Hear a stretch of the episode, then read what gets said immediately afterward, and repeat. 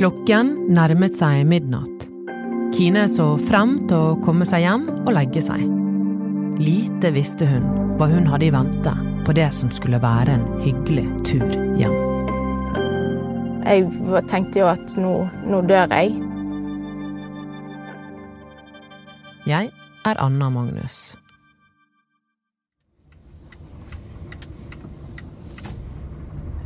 Jeg kjører for å plukke opp Kine. Det er ikke hennes egentlige navn. Og i denne episoden har vi latt henne være anonym.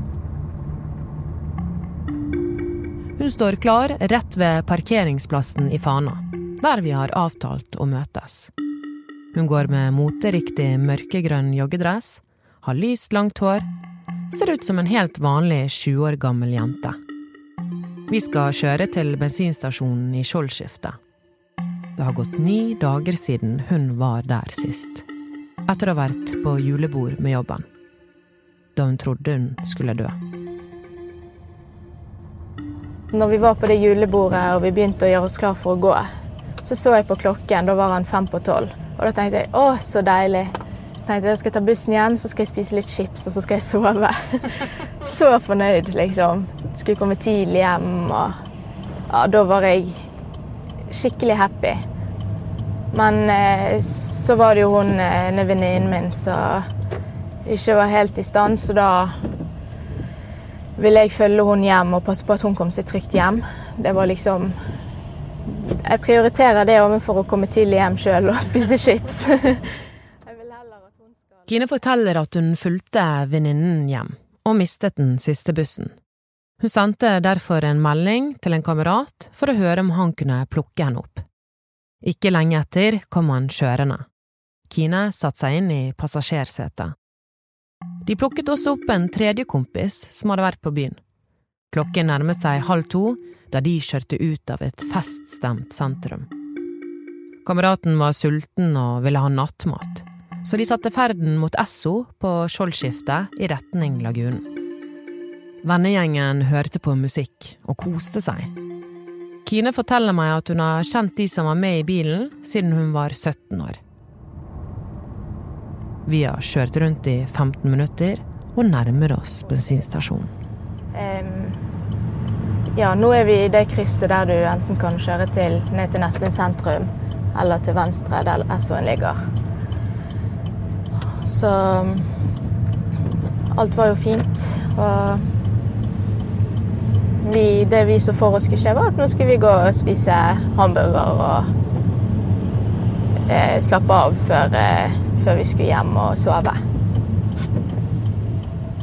Det var veldig stille i veiene. Det var mørkt ute, og det var midt på natten og sånn som det pleier å være på den tiden av døgnet. Vi sto Der som den kjører ut, så sto vi liksom med frontruten denne veien liksom ved siden av den der eh, og, Kine peker eh, dit bilen sto sist hun var her. Vi plasserer oss på samme sted, omtrent to meter fra inngangsdøren. Vi ser på prangende reklamer for pølser og burgere, og stabler av spylervæske. Kine sitter på samme måte som hun gjorde for ni dager siden, i passasjersetet som nå er ganske nærme inngangen. Jeg spør henne hvordan det er å være her nå. Litt rart. Det Ja. Spesielt. Det sto jo liksom akkurat inntil her. Det var flere folk inne på bensinstasjonen, og i mellomtiden kom også en annen kompis innom. Han parkerte bilen foran den Kine satt på i, slik at de sto front mot front. De fant ut at han skulle sitte på videre. Bilen hans kunne de heller hente senere. Inn i bilen, én etter én. De to guttene i baksetet og føreren, og så setter jeg meg i passasjersetet. Og så begynner vi å liksom ta på setebeltet og gjøre oss klare for å kjøre, før vi hører et smell på venstre side.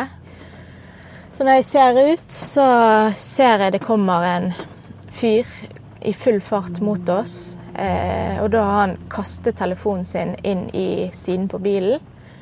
Og så river han med seg en vannkanne fra eh, siden av en sånn her eh, bensinpumpe.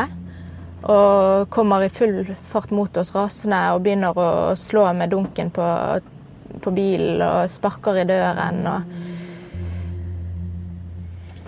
før jeg vet ordet av det, så går jo han frem og hopper og knuser hele frontruten. Og da skjønte jeg at dette her er alvor. Dette er en fremmed som eh, truer oss.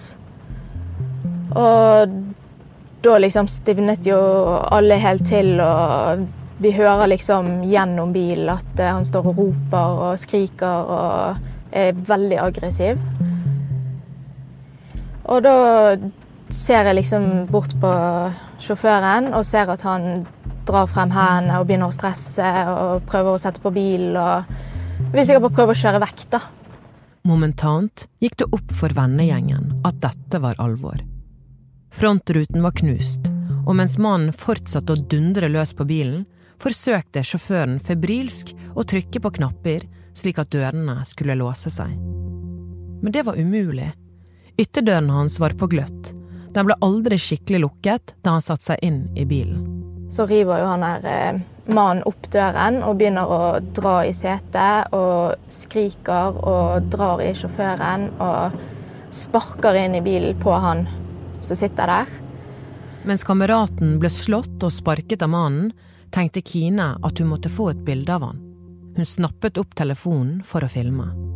Yo, fuck! Yo, fuck! Videosnutten varer i tre sekunder.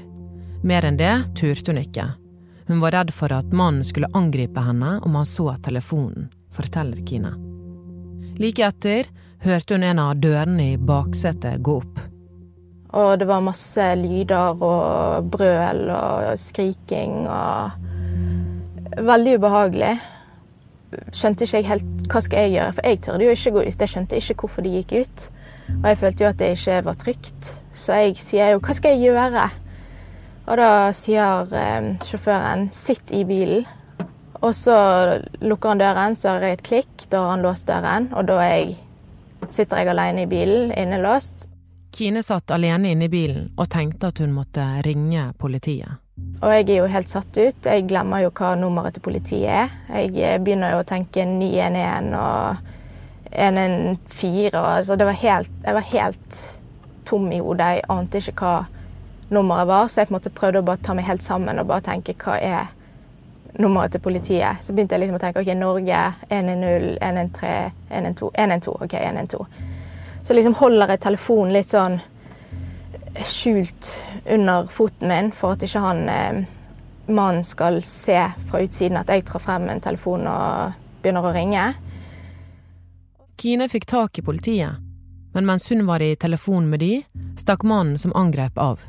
En av kompisene til Kine gikk tilbake til bilen for å låse henne ut. Og så kommer jeg ut, og da står jo han sjåføren og skjelver og er helt altså, hvit i fjeset. Jeg er helt stiv og helt satt ut.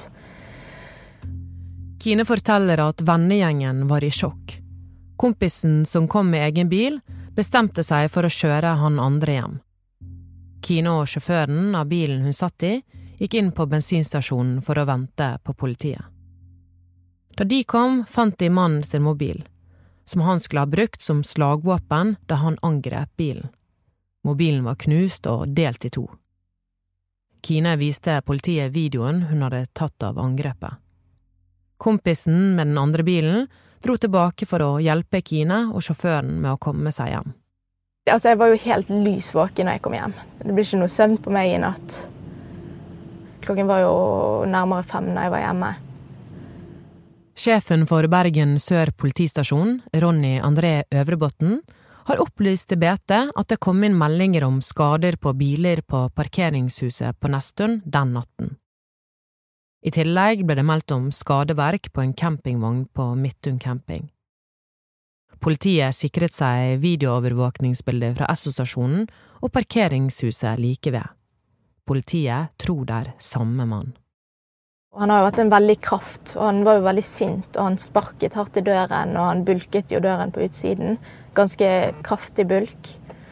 Ja, han har hatt mye sinne i seg og ja, fikk aggresjon utover, utover billås, da. Når jeg satt i bilen og han hadde knust frontruten, og jeg skjønte at dette var alvor, og det var en som var ute etter å angripe oss eller bilen. Jeg tenkte jo at nå, nå dør jeg. Jeg ventet bare på at han skulle dra frem en kniv eller en pistol eller hva enn. Jeg var helt sikker på at han, han har lyst til å drepe oss. Jeg har aldri følt meg på en måte så utrygg før i hele mitt liv. Politiet har eh, identifisert mannen, og de har kjennskap til han fra før. Deres vurdering er at det ikke er fare for bevisforespillelse eller gjentagelse. Vilkårene for pågripelse er dermed ikke til stede, ifølge Ronny André Øvrebotn. Mannen er foreløpig ikke siktet, men har status som mistenkt. Politiet planlegger å ta han inn til avhør.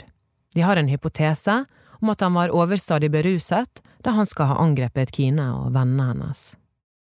Jeg er jo spent på hva som skjer videre.